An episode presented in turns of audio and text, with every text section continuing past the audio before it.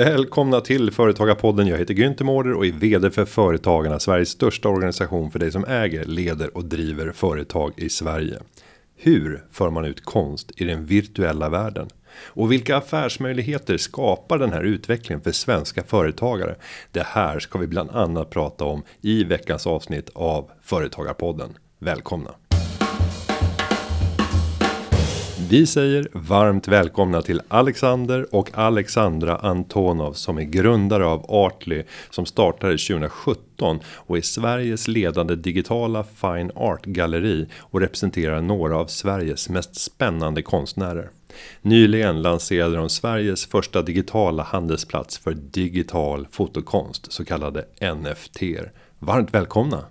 Tack, tack, tack. Väldigt tack så mycket. kul att vara här. Och vi måste ju börja i det här med NFTR. Det där är ju ett begrepp som jag tror att alla inte riktigt har helt kläm på. Hur beskriver man bäst NFT?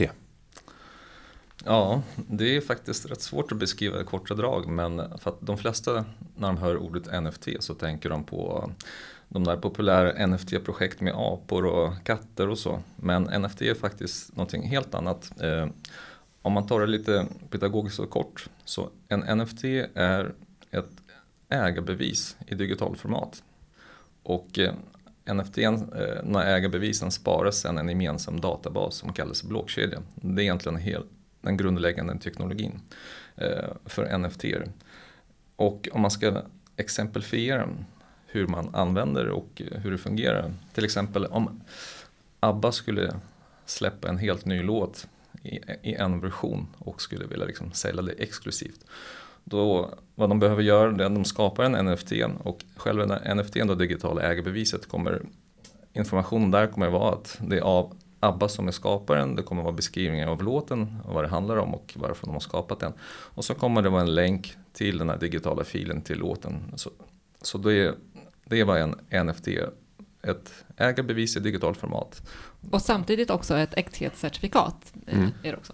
Precis, så att via NFT kan man verifiera det var ABBA som släppte den här, den här låten och, och sen kommer det vara vem som äger den här låten.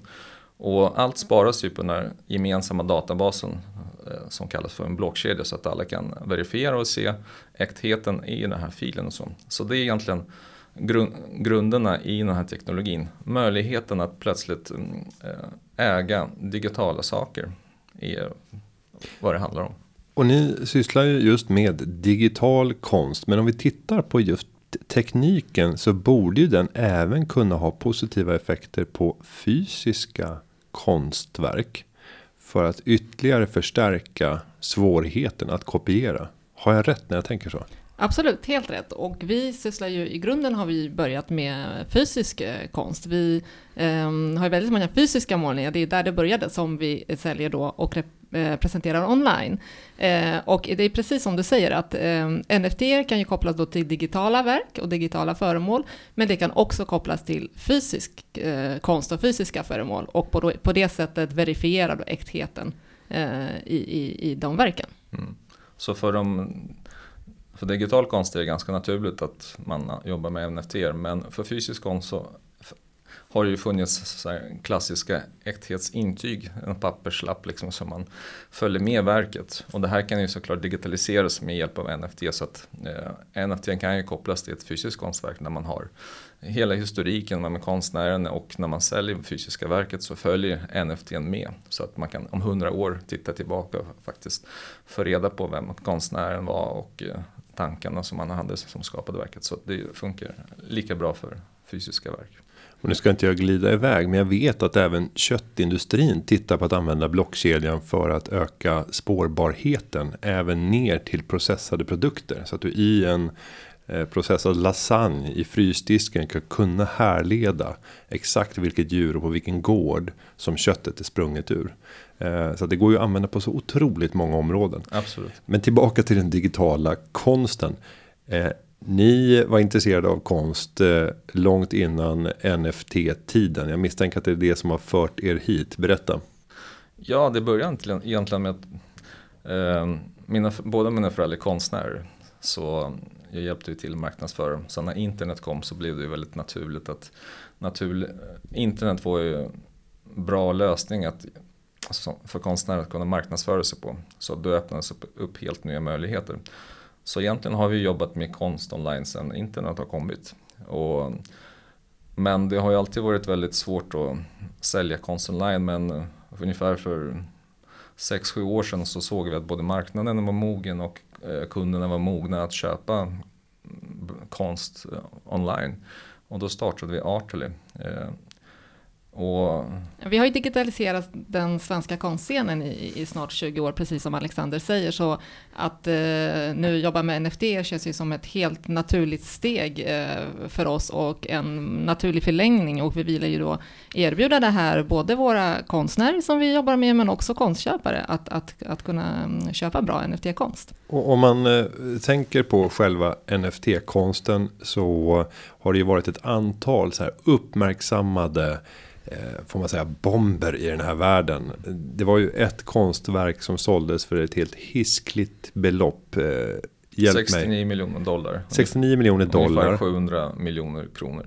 700 miljoner och, och, om vi ska förklara hur bilden ser ut så är det mängder av bilder som är sammanflätade till ett stort konstverk. Eh, det är till flera tusen ja. bilder. Precis, du tänker på konstnären Beeple som, mm. det är egentligen ett eh, historiskt dokument. Det han har gjort är att han har ju eh, varje dag skapat ett digitalt verk, en, eh, någon slags typ av kommentar på det som sker i samhället. Eh, och eh, sen har han då satt ihop 5000 dagar Eh, i ett enda konstverk. Eh, en, ett otroligt spännande verk tycker vi. Det är en eh, historisk skildring och dokumentation över vad som skett i, i, i världen och i samhället. Och, och, lika lite som eh, de flesta kanske kan förstå när en viss konstnär slår igenom och det blir hysteri och man ser de priserna. Men kanske ännu svårare när ett objekt som lagras på en disk och som egentligen blir fel om man printar ut det. Eller har jag rätt? Vad menar du med fel då? Nej, nej, men då är det ju inte det konstverket Förstår ni hur jag snubblar i den här tanken när vi har en, ett digitalt konstverk? Jag vill ju någonstans kunna visa upp det. Vad är det bästa sättet för mig att visualisera? Men nu har jag lagt så här många miljoner på att köpa det. Hur kan jag låta allmänheten få, få beskåda det här? Det finns redan idag eh, speciella NFT-ramar till exempel till eh, eh, digital konst att visa upp i. Eh, det finns också de eh, eh nyaste modellerna av eh, TV, mm, tv-modeller eh, har NFT-stöd inbyggt där man kan både visa NFT men också faktiskt köpa NFT. Så det finns rätt mycket där ute för hur man kan visualisera konsten. Men egentligen på vilken skärm som helst kan man ju visa den. Och på din mobil eller på vilken skärm som helst egentligen. Och här kommer ju faktiskt eh, fördelen att när du har ett verk i digitalt format så kan du faktiskt visa den online och sprida runt mycket enklare och visa det här är mina verk som jag har hemma. En av våra eh, NFT-köpare faktiskt sa men vad härligt, nu har jag faktiskt hela min konstsamling i min mobil när jag går på konferens. Jag kan visa upp de verk som jag köpt på, en, på en skärm. Jag kan liksom sitta på hotellrummet och titta på verk. Så att det är helt, eh, ja, det hade vi inte ens själva tänkt på, den praktiska möjligheten. Ja, fördelen blir ju att med ett, med ett fysiskt verk, då, då um, har du det hemma kanske så har du det hemma. Det blir svårt att, eh, att uh, ta med sig det någonstans. Uh, med det digitala verket kan du titta på det när du är hemma, sen kanske du är på, på landet så kan du titta på det där, du åker utomlands, uh, du kan titta på det där. Du har ju med dig det och du kan plocka fram det Eh, precis när du vill det. Och eh, om man tänker på konst till exempel så eh, kanske man vill variera sig. Konsten stimulerar oss på olika sätt. Eh, ena dagen kanske jag vaknar och vill eh, fyllas med massa energi, då vill jag kanske titta på ett eh, konstverk som, som är väldigt eh, färgglatt och sprakande och, och stimulerar mig på precis det sättet. Och en annan dag kanske jag behöver finna lugn och harmoni, då vill jag titta på ett annat eh, konstverk och då är det väldigt lätt att byta. Så det är en fördel med, med digitala verk. Och sen är det självklart, de digitala verken har ju den stora framtiden ligger ju när vi kommer vara mer och mer de digitala miljöerna i metaverse. Där det kommer vara liksom ett naturligt inslag att visa de verk man har i de digitala miljöerna.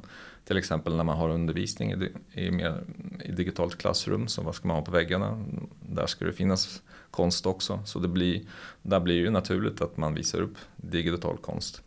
Och...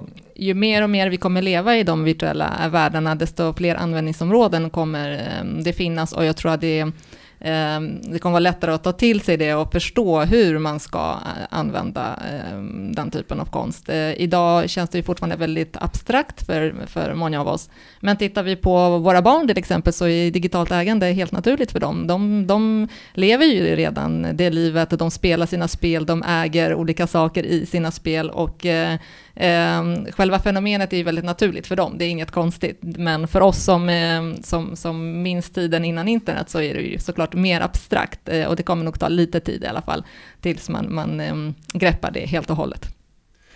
Och om vi tänker kopplat till immaterialrättsliga frågor. För jag kan ju de facto bara gå ut och googla ja, det här dyra eh, konstverket och, och, dessutom printa ut det själv och sätta upp på väggen. För att skydda den här eh, upphovsrätten.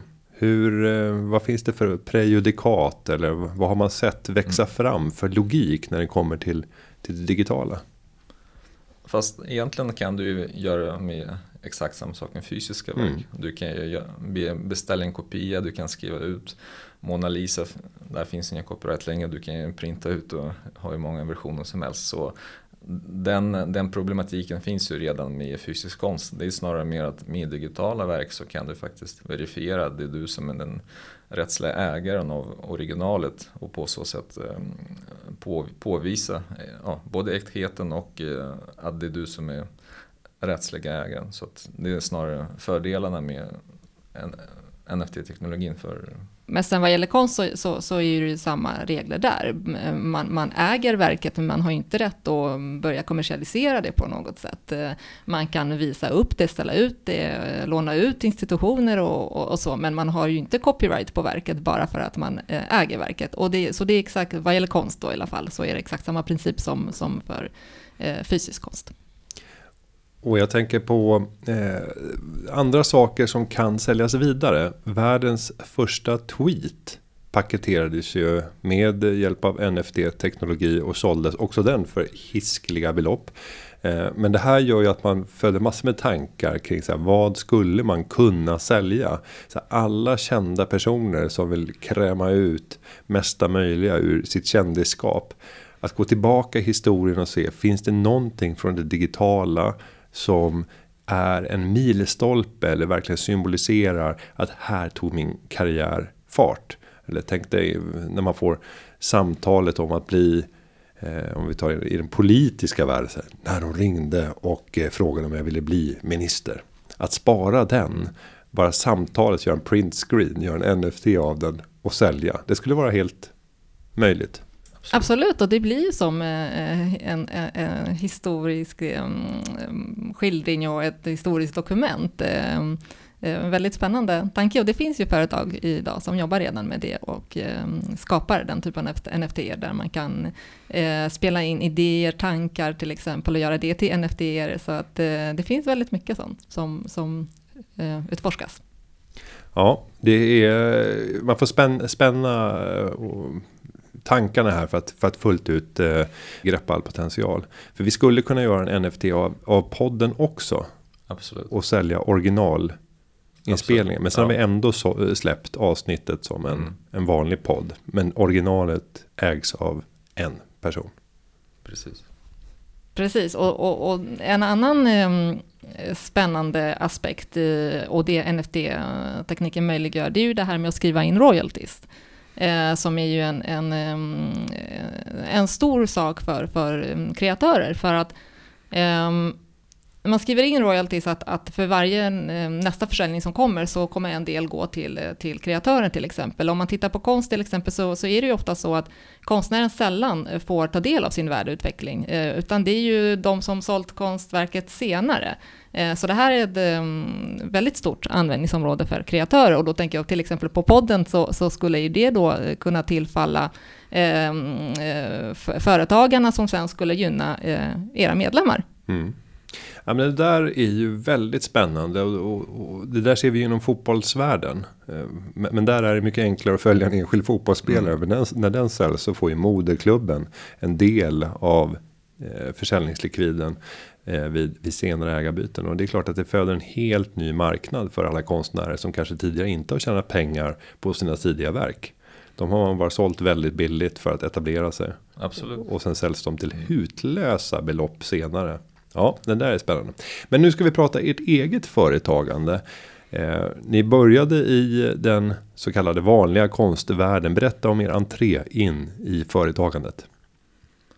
Ja, men det började faktiskt just med när internet kom. Eh, jag satt och byggde HTML hemsidor på gymnasietiden och sen eh, när jag byggt min mamma så konstnärerna är ju en liten community, alla känner varandra så att sen vill ju alla hennes kollegor ha. Så sen satt jag med 40 HTML-sidor och knackade och till slut, ja, sen då, vi träffades ungefär då och vi byggde första kan man säga, konstportalen där vi gav möjlighet, möjligheten till konstnärer att få en egen hemsida till en väldigt liten peng och sen allt de publicerade samlades på samma eh, konstportal. Och vi har haft karriärer vid sidan om men just för 6-7 år sedan så såg vi att marknaden var verkligen redo för att kunna eh, köpa konst eh, online och konstnärer var redo också att ställa ut och använda den här möjligheten som finns. Så då startade vi Artely som liksom första kan man säga, konstplattform och online-galleri för man ska ändå ha med sig att, att eh, konstbranschen i grunden är ju en väldigt traditionell bransch och ju en av de sista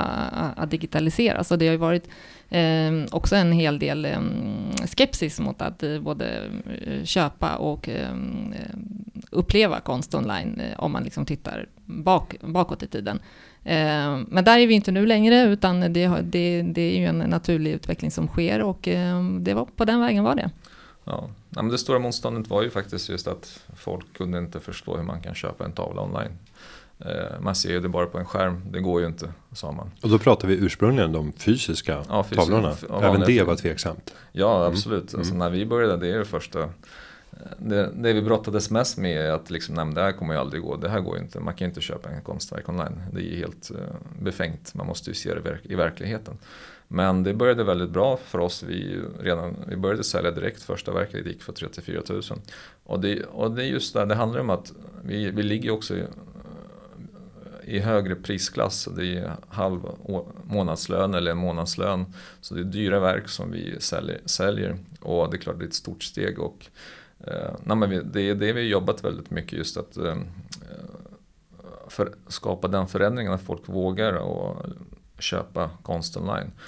Och nu, nu är det helt naturligt, sex år senare. Alla konstnärer säljer konst online och alla liksom helt, tycker det är helt okej okay att eh, och det är tillräckligt att se ett verk på skärmen och kunna köpa. Och nu med... Och framförallt köparna är ju också där, det är ju också en generationsfråga såklart. Mm. Um...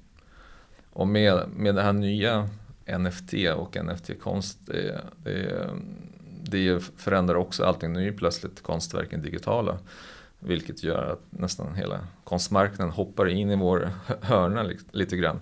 Eftersom vi är en digital aktör och eh, nu är verken också digitala så då, då är det plötsligt man behöver inte ens ha den här förklaringen att kan man köpa konst online eh, och liksom för att verket är online i sin naturliga form. Ja, det är väl där vi är lite idag. Nu är väl målsättningen att på något sätt hjälpa till att ta eh, den svenska konst in i metaverse inom de nya digitala värdena och miljöerna. Det är vår nästa stora utmaning. Men i ert företagande idag jobbar ni både med eh, de gamla klassiska fysiska verken och NFT-verk under ett och samma skal. Precis. Eh, det stora är ju såklart eh, den vanliga, de vanliga konstverken, den vanliga försäljningen.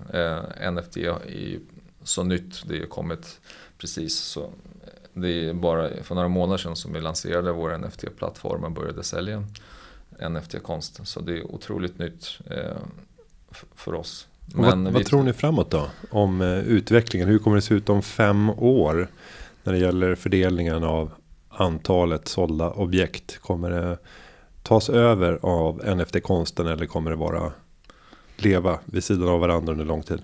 Det kommer ju successivt öka. Men i framtiden så kommer det mesta av konsten säljas som NFT. Det, det är vi ganska övertygade om. Ju, ju, mer vi rör oss mot att äga saker digitalt, det, desto mer kommer vi se av det här. Och det är precis som Alexander säger, både fysisk konst och, och kommer ju säljas i form av NFT och eh, digital konst som ju redan i grunden är. Jag har ju mycket samlarobjekt i övrigt. Jag är, är en sån här samlare ska jag erkänna. Vilket gör att hela garaget är fullt av eh, märkliga samlingar. Och det är ofta så det blir när man har fått någon typ av eh, eh, ja, plötslig ingivelse av att det här ska jag få en komplett serie av eller det här ska jag börja samla på. Om vi sen tar det där eh, garaget och, för, och kartongerna där det ligger i. Om vi ska försöka tänka motsvarande för NFT-föremål som man har börjat samla på sig genom åren. Ligger det här i molnet eller ligger det lokalt på en hårddisk eller själva och får jag säga filen? Ja. Ja, själva filen. Mm. Var, var förvarar vi den? Och finns det en risk för att den kommer att förstöras, bli stulen, tappas bort på grund av att jag själv har glömt lösenordet till en hårddisk som hade krypterat. Eh, om ni ska beskriva lite grann kring framtida utmaningar, då kanske ja. redan finns där idag. Nej, men alla, just nu använder man, det finns ett eh, speciellt nätverk för att just spara filer som är gemensamt för hela världen. Där, där de där digitala filerna sparas. Eh, och den delas på något sätt eh, av alla. Så att det, det är det säkraste som man har kommit fram till just nu i alla fall. Eh, så det, alla filer sparas i ett gemensamt eh, nätverk som ligger i molnet och fördelas på massor med datorer. Så, och, så, så, man kan väl säga att det är ganska säkert. Men såklart, det eh, återstår att se. Men det, det var egentligen alla satsat på. Så att alla, alla de här så när man skapar NFT och man har en länk till den digitala filen så sparas den här filen i molnet i ett, i ett speciellt system som är krypterad och delad på många datorer. Så, så, så det, det är ganska säkert. Sen är det också, precis som du säger, du nämner det här med lösenordet till exempel, att, att eh, så är det ju. Man, man har ju ett eh, lösenord till, eh, som man, som man Ehm, behöver verkligen hålla koll på. Eh, och det finns, förlorar man det, glömmer man bort det, var man har lagt det någonstans, eh, kommer inte ihåg det, då, då finns det ingen som kan hjälpa dig. Utan det är eh, otroligt viktigt att man har koll på det och eh, vi brukar säga att är det någonting som man ska få med sig eh, när det kommer till NFT, vad man ska tänka på och inte glömma, då är det just det att lösenordet är, är någonting som du verkligen behöver se till att du vet var du har det och att du inte tappar bort det. För det finns ingen eh, som kan återställa det och hjälpa dig eh, få tillbaka det. Och eh, om jag kommer till er som en potentiell kund. Här märker ni att det är någon som är nyfiken men inte bevandrad. men verkar ha ett stort intresse för att ja, någonstans mata sin nyfikenhet och, och göra någonting nytt och spännande. Ja, här kommer en potentiell kund. Till att börja med. Kommer jag in till eh, ert galleri? Eller vad händer om jag möter er i digitala formatet? Ska vi beskriva om jag kommer in rent fysiskt? Hur bemöter ni mig som potentiell kund här? Vi finns faktiskt bara digitalt. Vi är helt, hela, hela vårt eh, galleri är bara online. Så vi finns inte egentligen i fysisk form. Eh, och det är hela affärsidén, att, mm. att bara finnas, finnas Vi blir lite ställda. online. Ja. Jag kommer in. Men, ja, och, och, nej, men annars, de, de sätt vi träffar kunderna fysiskt på är ju faktiskt när vi deltar i olika konstmässor och mm. då kommer vi ut liksom offline och träffar våra kunder och många som har köpt kommer till olika konstmässor och träffar oss och så. Sen är ju när man när man köper så kan man ju också, är intresserad av ett visst konstverk eller kanske intresserad av konstnären så kan man lätt boka möten i ateljén hos konstnären så man kan komma ut till konstnären och titta på verket. Så att de alla möjligheterna finns. Och, så det, det, är så, det är så vi jobbar. Vi, hela galleriet är online men behöver man träffas fysiskt så träffas man hos, hos konstnären. Och så. Och då kan man också säga så när man kommer in till oss, det vill säga att man kommer in till vårt mm. Eh, online-galleri, så det du möts av är ju någonting, och någonting som vi eh, jobbat väldigt hårt med, är att visualisera konsten online på ett sätt så att du ska bli stimulerad och se konsten eh, och uppleva den då så gott det går online. Eh, då det är så vi möter våra kunder med själva konsten. För det handlar ju inte bara om att lägga upp konst på en sida, eh, utan man måste, när man gör det, också tänka på hur kommer man se den? Hur, liksom, det är svårt att eh, visa konsten på, på, ett, på ett sätt eh, som lyfter konsten. Det tycker vi har lyckats med och det är någonting som vi, vi ofta får höra. Eh, att det är det som skiljer oss också från andra, hur vi presenterar konsten online. Så det skulle jag säga, det, det, det är så vi möter våra kunder, med att vi har satsat otroligt mycket på att det är alltid, fokus för oss är hur presenterar vi konsten? Och allt annat kommer efteråt. Till exempel då, är du intresserad av att köpa verket sen, ja då kommer du hitta hur du köper verket, men det du ska mötas av framför allt är ju konsten när du kommer in till oss. Och där är det precis, tänker jag, som på vilken annan eh, e-handel som helst. Man måste tänka sen hur man ska konvertera ner. Att först väcka det initiala intresset, få det där engagemanget och sen börja leda det ner mot en konvertering. Eh, finns det någonting som skiljer er säljprocess jämfört med andra mm. e-handlare? Jättemycket, det är mm. totalt skilda saker. För att all e-handel och online marknadsföring är väldigt så byggd på kring varor och produkter och, och konverteringsprocesserna ser väldigt annorlunda ut. För oss är det tvärtom. Vi, till exempel för så, konst ska säljas som konst och det är inte Nike-skor. Eh, till exempel vi, när man jobbar med vanlig traditionell e-handel då är liksom man, det är call to action, tydliga liksom, eh, enkla vägar för att eh, köpa. Du ska ha, det, är, det är rabatter, det är reor, det är Black Friday. Allt detta får man verkligen inte ha när man jobbar med konst. Där är ju tvärtom.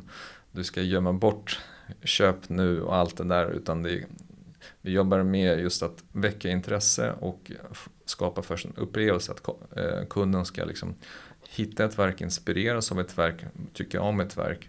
Och sen Eh, kom, när man, och sen kommer egentligen för, eh, försäljningen och köpprocessen. Så att, eh, och till exempel konst får man aldrig ha rea eller rabatt på för då urholkar man värdet. Så det är någonting verkligen som vi har aldrig någon rea eller rabatt på någonting. Utan, så det är helt olika mekanismer. Konst ska på något sätt, man ska inspirera och presentera det så, så rent som möjligt. Hela vår design när man kommer in, man ser en ett konstverk egentligen. Man ser inget annat. Alla, all text och all, alla knappar är väldigt så här. De försvinner. Man ser bara själva verket och det är det man ska liksom ta in. Så det är helt annan tänk om man ska lyckas sälja konst. Man måste nästan vända på det hela. Och här är ju utmaningen att eh, hur man, man ska liksom på något sätt ändå kunna jobba med de där klassiska e-handelsmekanismerna och eh, online-marknadsföring, verktygen. Men man ska använda det på ett väldigt anpassat sätt för konsten. Annars kommer man misslyckas. Och om man tänker balansräkningsvis, tar ni risk i egen bok? Det vill säga att ni köper in konstverk själva för att vidareförsälja? Eller är ni förmedlare så att ni sitter aldrig och äger konsten som ni förmedlar? Eh, nej, vi jobbar precis som ett galleri mm, gör i, i fysisk form så att säga. Vi eh, köper inte in verken utan verken är hos konstnären och när eh, kunden eh, köper ett eh, konstverk på Artely så åker det hela vägen från konstnärens ateljé direkt till kunden. Vilket eh, jag tycker också är en ehm, ehm, fin känsla att det faktiskt åker direkt från ateljén till, till kunden. Det är något ehm, väldigt fint i det. Ja, man klipper ju många band där av kostnader. För det är väl en väldigt eh, dyr historia när man ska sköta all logistik, all försäkring. Kostnader som här försvinner. Och eh, finns det andra fördelar? Ja, att, jag vill bara tillägga då att eh, våra konstransporter går ju ändå med, med eh, konstspecialiserat eh, fraktfirma med försäkring och allting är väldigt tryggt och försäkrat eh, på vägen från konstnären. Ja, nu pratar vi om de fysiska verken. Men, de fysiska. Ja, ja. Mm. Men nu tänkte jag på NFT-verken. Ja, där är ju såklart logistiken försvinner helt mm. och leveransen är direkt. Så där är såklart alla fördelar. Men även eh, i fallet fysisk konst så har man ju sluppit ytterligare ett mellanled när den ska till galleriet och sen ska du försäkra den på plats i galleriet och sen så har du ytterligare en logistikkedja. Precis. Det blir lite effektivare även på. på... Ja, men, men frakta konst är ju en jättestor utmaning för mm. att det är väldigt dyra föremål och det går inte att ersätta dem. Det går inte att använda eh, på något sätt standardfraktbolag. Det måste vara specialiserade bolag. Eh, vi använder ju samma bolag som fraktat Nationalmuseum, och Moderna Museum. Så det är en specialister som kommer, paketerar verket på ett speciellt sätt, lägger in på ett speciellt sätt i sin bil och kör fram ända till kunden och lämnar över det. Så det, det, det, är, inte, det är inte bara skicka iväg på ett band, ett konstverk. Om vi går tillbaka och tittar på år 2020 och 2021. Hårt eh, pandemidrabbat. Hur påverkade det er verksamhet?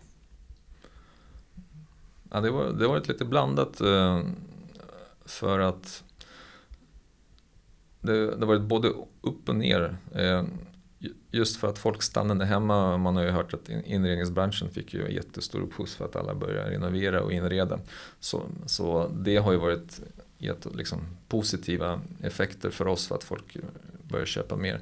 Men samtidigt just i början där när folk visste inte om de skulle ha jobb kvar eller inte. Det har ju varit, varit väldigt turbulent. Eh, vi ligger ju i högre prisklass och det är klart att om man är osäker på kring sin ekonomi så är det inte första man köper liksom ett verk för 40 000. Så det har liksom bromsat in oss i början men sen släppte det. Så att, eh, det har varit både plus och minus för, för konsten. Ja, alla som inte sålde måste produkter eh, eller till och med bunkringsprodukter drabbades ju hårt mars, april, maj. Men sen började det ju lossna och man började inse att världen kommer inte gå under. Och vi behöver inte preppa oss för att försöka klara oss isolerade ett år här. Eh, men eh, jag kan tänka mig att det har eh, inneburit väsentligt ökad eh, trafik och att det har funnits en nyfikenhet. Jag har ju upplevt också om vi talar till exempel poddandet att det var väldigt många fler som började lyssna mer frekvent på poddar och på motsvarande sätt så borde det också varit så att man anammade nya typer av beteenden och födde nya intressen när vi nu har kommit ut ur, ur pandemin, i alla fall ut, ur restriktions eh, ekonomin och är tillbaka i någon typ av normal ekonomi. Vad kan ni se så här efteråt jämfört med före? Sen har vi en mognad som är svårt att prata om vad, vad är vad det stora faktiskt har varit för oss är ju att eh, när pandemin kom då stängdes ju alla möjligheter för konstnären att ställa ut sin konst fysiskt. Eh, alla gallerier var ju stängda, alla konsthallar var ju stängda. Så det, tving, det fick faktiskt många att tänka om och liksom eh, ställa om och börja fundera hur man ska börja presentera och sälja sin konst online. Vilket ju gjorde att det öppnade upp plötsligt massor med konstnärer börjar höra av sig till oss och liksom se oss som en, en ny möjlighet att faktiskt för, för, föra ut sin konst. Och på något sätt, och där det på något sätt accelererar den här digitaliseringen av svenska konstmarknaden. Att fler tvingades på något sätt att ta steget och upptäcka liksom fördelarna med att eh, vara presenterat online och sälja konst online. Vilket såklart har ju på något sätt mm, eh, bestått liksom efter pandemin. Och så de stora förändringarna är ju att fler konstnärer har ställt om sig och börjat presentera sig online och också att folk har börjat köpa mer konst online, de som inte kunde komma ut på några fysiska utställningar. Det... Och även konstköpare och besökare som tidigare kanske var vana att gå eh, på mässor eller stora utställningar och se mycket konst eh, samtidigt från olika konstnärer till exempel. Så eh, blev ju det vägen att, att eh, besöka oss till exempel och, och se mycket konst eh, från olika konstnärer från hela Sverige. Och om man tänker en annan likartad eh, business så handlar det ju om att upptäcka artister och att bli förmedlare av artister. Eh, många av de som sitter som artistförmedlare och ska signa på antingen bli manager eller skivbolag eller liknande. De sitter ju och hovrar i sociala medier för att hitta nästa stora talang. Hur ser ert beteende ut för att kunna identifiera vilka ni vill jobba med framåt? Eller är det passiv ordermottagning, det vill säga att konstnärerna hör av sig direkt till er? Hur ser processen ut? Uh, nej, absolut. Man kan ju ansöka till oss, men uh, vi väljer ut vilka konstnärer vi, vi vill jobba med och det vi framförallt tittar på är ju konsten. Uh, alltid eh, tittar vi först på, på, på konsten. Vad är det vi ser och eh, är det något som eh, vi tror på och som vi ser har ett konstnärligt eh, värde och som också passar in i vårt koncept. Så i korta drag är det, är det så eh, vi jobbar. Och, och var finner ni de här konstnärerna? Hur ser sökprocessen ut? Vad är de normala kanalerna för att hitta de som ni vill samarbeta med? Ja, väldigt mycket börjar ju online. Man, man, man eh, ser på Instagram och man, man, ser, man ser det mesta online, men även i, ibland fysiskt. Men Eh, så börjar det och så tittar man lite närmare och sen tar man kontakt med konstnären och eh, eh träffar konstnären, ser konstnärens verk också eh, eh i ateljén till exempel. Så att eh, ja, det mesta börjar online. Och om vi då tar två stycken konstnärer. Vi har en där ni bedömer att den konstnärliga kvaliteten är makalös. Alltså det ni ser är fantastiskt. Men det verkar inte i sociala medier som att eh, personen klarar att kommunicera, att bygga relationer med en följarbas. Sen ser ni en annan som gör ganska banal konst enligt ert förmenande, men som verkar ha en otrolig förmåga att bygga relationer och skapa följarbaser och engagemang kring konsten. Om ni ska välja vem ni samarbetar med här. Vem skulle ni välja? Det här tänker jag är ganska vanligt inom musikvärlden. Jag är lite så musiknörd och, och mm. konnässör. Och jag har hittat väldigt många artister som jag tycker är några av de mest briljanta i Sverige. Eh, eller i världen. Och de har ingen förmåga att ta ut sin musik och sin briljans. Och sen så hör man allting som spelas på radio och så kan jag ibland bara må dåligt över så här. Varför får de här utrymme när det finns så mycket bättre? Mm. Hur resonerar ni i konstvärlden? För oss är faktiskt det konsten som styr. Det är mm. liksom avgörande. Vi måste kunna stå bakom eh, konstnären och konstnärskapet. Så det är absolut avgörande. Så det där med att man har 100 000 följare kommer inte hjälpa vår bedömningsprocess. Vi måste eh, stå bakom konstnären. Det är också därför vi alltid eh, försöker liksom skala bort allt det andra och, och verkligen eh, när vi stöter på ett nytt namn till exempel så att vi verkligen bara fokuserar på att titta på konsten och inte läser på först om konstnären eller liksom titta på sociala medier, hur man följer finns där eller den typen av aspekter utan det är väldigt viktigt för, för bedömningen att just bara titta på konsten och sen kan man ta in det andra också. Men eh, absolut, det är den, eh, den mest avgörande faktorn. Men det är självklart den parametern, vilken följ, följarskara man har, är ju väldigt intressant. För att varje konstnär som vi samarbetar med blir ju en ambassadör för, för oss och vår verksamhet. Så att ju fler, ju fler konstnärer som vi har som har stora följeskaror, desto liksom starkare ambassadörer får vi. Liksom. Så den är ju, parametern är ju viktig. Men det vi märker är ju att nu för tiden är ju de flesta konstnärer väldigt duktiga på att eh, nå ut och eh, via sociala medier bygga sina fan, eh, fanbases liksom runt omkring det. Så att, eh, det, det är nog typ ingen som inte jobbar med så. Sen är det ju en speciell utmaning för er när man tänker i vart fall NFT-konsten. Annorlunda på den fysiska för det finns nog ingen vuxen som inte någon gång har köpt eh, någon typ av konstobjekt. Och skulle vi tratta ner det till att det till och med är ett konstobjekt att hänga på väggen i form av en tavla eller liknande. Så har vi nog nästan 100% av de vuxna som någon gång har köpt någonting. Men när det gäller NFT så är det fortfarande mindre än 0,1% va? Som någonsin har köpt. Så ni ska bryta ny mark. Och då är man ju beroende av att få eh, mycket skriverier om det här. Att kunna få kvällstidningar att haka på. Och, och ligger man med lite för om man ska säga avancerade konstnärer som inte är de mest folkliga. Även om man bedömer att det finns någonting oerhört intressant och spännande i det här. Men också kanske svårtillgängligt. Så är det i alla fall för mig i musiken. När jag låter andra lyssna på det här så kan de inte riktigt sälja det. Eh, för de är inte vana vid att lyssna på den här typen av sammansatt musik. Hur ska ni göra för att eh, faktiskt få den breda allmänheten att få upp ögonen för att på så sätt föda NFT-marknaden inom konst? Ja, men det är väl en jättestor utmaning som vi brottas med. Eh, det, på något sätt är det lite tacksamt för att eh, den, den populära NFT-marknaden med eh, de här populära projekten med olika Eh, apor och allt det där. Den är ju väldigt så här, riktad till yngre publik. Men när det gäller oss så jobbar vi med etablerade svenska konstnärer och egentligen det vi jobbar med är ju att faktiskt föra ut eh, hjälpa traditionella erkända konstnärer och hjälpa dem och skapa NFT-konst.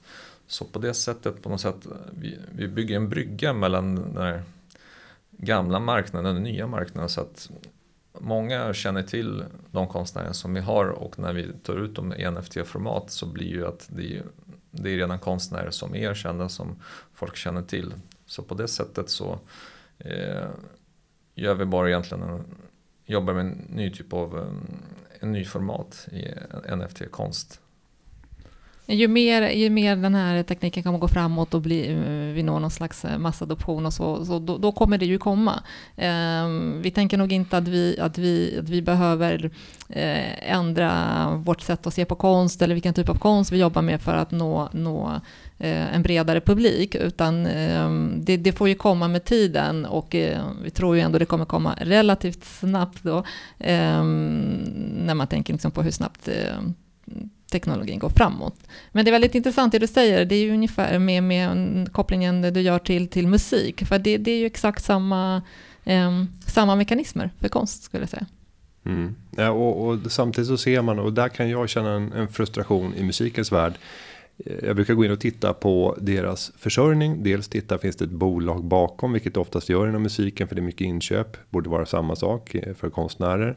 Eh, men sen brukar jag också titta på Skatteverket, vad de har för deklarerad inkomst. Och jag nästan så faller av stolen när jag ser så här, shit, det är knappt så att de kan gå runt. Och sen så i mina öron så är de här några av de främsta som finns eh, inom sitt fält. Så där finns det en, en otrolig uppgift att göra, att kunna hitta eh, en marknad för de som är briljanta och sen så öppna upp och få fler att upptäcka det. Men om vi tittar på Artly framåt och funderar över vad, vad tror ni kommer att hända? Nu har ni varit igång i fem år ungefär. Eh, för de kommande fem åren, vad tror ni kommer vara de stora förändringarna om vi skulle sitta här igen om lika lång tid som bolaget hittills har levt? Vi tror att vi kommer eh, allihop äga mycket mer digitalt och, och eh, i, det kommer utvecklas otroligt mycket och då, eh, då tror vi att vi då med, med, med våra konstnärs NFT också kommer vara någon helt annan, annan, annanstans. Ehm, det kommer finnas helt enkelt mycket mer bra ehm, NFT-konst, för idag finns det ju inte så jättemycket. Det vi ser är ju väldigt mycket olika slags NFT-projekt som blir väldigt populära, men det är inte så jättemycket konst. Om fem år tror jag det kommer finnas väldigt mycket mer bra konst i NFT-form. Ehm, och att vi i samhället kommer äga mycket, mycket mer digitalt. Så de två kommer gå hand i hand och då kommer vi vara någon annanstans om fem år. Alexander, vad tror du? Ja, absolut. Eh, vi, vi tror att de här sex åren som vi jobbat hårt nu är ju liksom det sker fortfarande en väldigt stor transformation av marknaden och digitalisering av den svenska konstmarknaden. Eh, försäljning online är ju faktiskt fortfarande en väldigt liten del men det kommer öka, öka och det, försäljningen av konst online kommer ju gå om den, om den fysiska försäljningen. Och vi tror att vi kommer ju liksom har många, många fler konstnärer och eh, liksom, nu, nu kommer någon slags accelereringsfas för bolaget. Och vi kommer säkert sälja kanske 30-40% NFT-konst och 60% fysisk konst om fem år. Någonting sånt. Det är ju otroligt svårt att, att säga om det här och egentligen är allting är så nytt så, så vi vet inte heller hur det här kommer att utvecklas. Men är något vi känner oss väldigt säkra på är att det kommer att utvecklas eh, och eh, då gäller det liksom för oss att vara där och också både vara med och forma marknaden, också och anpassa oss till de förändringar som sker. Men det är väldigt svårt att, att ehm, ja, förutspå exakt hur det kommer se ut. Och, och det, det, är också någonting som har varit vår framgångsfaktor, att vi brukar inte titta så långt fram, utan för oss handlar det om att hela tiden eh, lyssna och snabbt anpassa sig och förändra. Så att eh, fem år är en otroligt lång tid. Eh, så långt brukar vi inte um, tänka på den nivån. Men, spännande frågor. Och i, eh, inom företagarna så finns det ju också en hel del konstnärer. Jag har varit ute och gjort företagsbesök och eh, många har anammat spännande affärsmodeller genom att titta på andra branscher för att se hur kan jag konceptualisera och paketera mitt konstnärskap. En som jag träffade eh, jobbar väldigt mycket med leasing ut mot företagsmarknaden och har ett månadsabonnemang där han är ute och besöker de kunder som man har en gång i månaden för att bara stämma av. Tycker ni att den här de här konstinstallationerna som vi nu har på arbetsplatsen är eh, i enlighet med det ni vill ha just vid tillfället och sen kommer alltid med några nya rekommendationer om, om att byta och sen betalar man en månadsavgift och han har lyckats hitta en modell där han kan få en, ett jämnt kassaflöde. För det är oftast utmaningen för konstnären. att det blir väldigt stötvisa kassaflöden och så funkar ju inte livet. Kostnaderna kommer där konstant. Och, och, när det gäller utvecklingen av den här nya typen av affärsmodeller så borde ju NFT vara väldigt spännande. Om ni får skicka ut, ni är ju också medlemmar i företagarna. Men till andra medlemmar i företagarna som försöker att försörja sig på konsten. Hur ska de tänka i förhållande till den här nya tekniska möjligheten som nu erbjuds att skapa ytterligare ett, ett ben och en, en möjlig marknad för dem? Ja, jag skulle, då, då tänker du specifikt på konsten, eh, för jag tänker rent generellt eh, något som man skulle vilja skicka med ut till alla företagare. Att, vi kan börja där och sen ja. kan vi ta oss ner till den som vill försörja sig med sitt konstnärskap. Mm, för då är det ju väldigt viktigt um, att verkligen börja intressera sig för det här, um, den nya teknologin och börja läsa på om det och uh, inte bara då, det pratas ju väldigt mycket om NFT då som har blivit så upphypat den senaste tiden inte bara, det räcker inte att bara läsa på vad är en NFT, liksom läsa en definition av det, utan det handlar faktiskt om att läsa på om, om alla de här aspekterna. Vad är webb 3? Vad är eh, blockchain? Vad är metaverse? Eh, och ju mer man läser på det, då får man ett större sammanhang och då är det först då egentligen som man börjar förstå vad det hela handlar om och, vad, och, och, man som företagare kan börja se vad kan det här ha för användningsområden för min business. Eh, så just nu, så någonting som vi skulle vilja skicka med då till alla företagare är att börja intressera er för, för det här, börja läsa på och börja mm, följa det, vara lite nyfikna och eh, förstå sammanhangen i det stora hela och inte bara liksom läsa på kanske om vad är NFT för något, utan det måste finnas i ett, eh, det måste hamna i ett sammanhang av då webb3, blockchain, metaverse, alla de bitarna. Och, och för alla kreatörer då som är medlemmar hos företagarna eh, och lyssnar på det, Då är ju såklart att som Alexander säger, det är jätteviktigt att man sätter sig in i det nya för att det kommer öppnas upp många fantastiska möjligheter med blockchain och NFT-teknologin. Och som kreatör är faktiskt en av de intressantaste bitarna är ju möjligheten att lägga in royalties när man skapar digitala verk och med NFT. Och för första gången så nu, nu för tiden när man säljer ett verk via en, en aktör som, och sen säljs verket vidare och vidare och vidare. Man, får, man, man, är, man försvinner från eh, kedjan redan vid första försäljningen som kreatör. Men med just den nya teknologin finns det ju fantastiska möjligheten är ju att just där kunna lägga in royalties. Så att för varje, för var, varje gång ditt verk säljs så kan du få en kickback. Du kan, om du sätter det själv om du vill ha 10%, 15% vilket gör att för all evighet kan du faktiskt få royalties på de verk som du har skapat. Och det öppnar upp helt fantastiska nya möjligheter.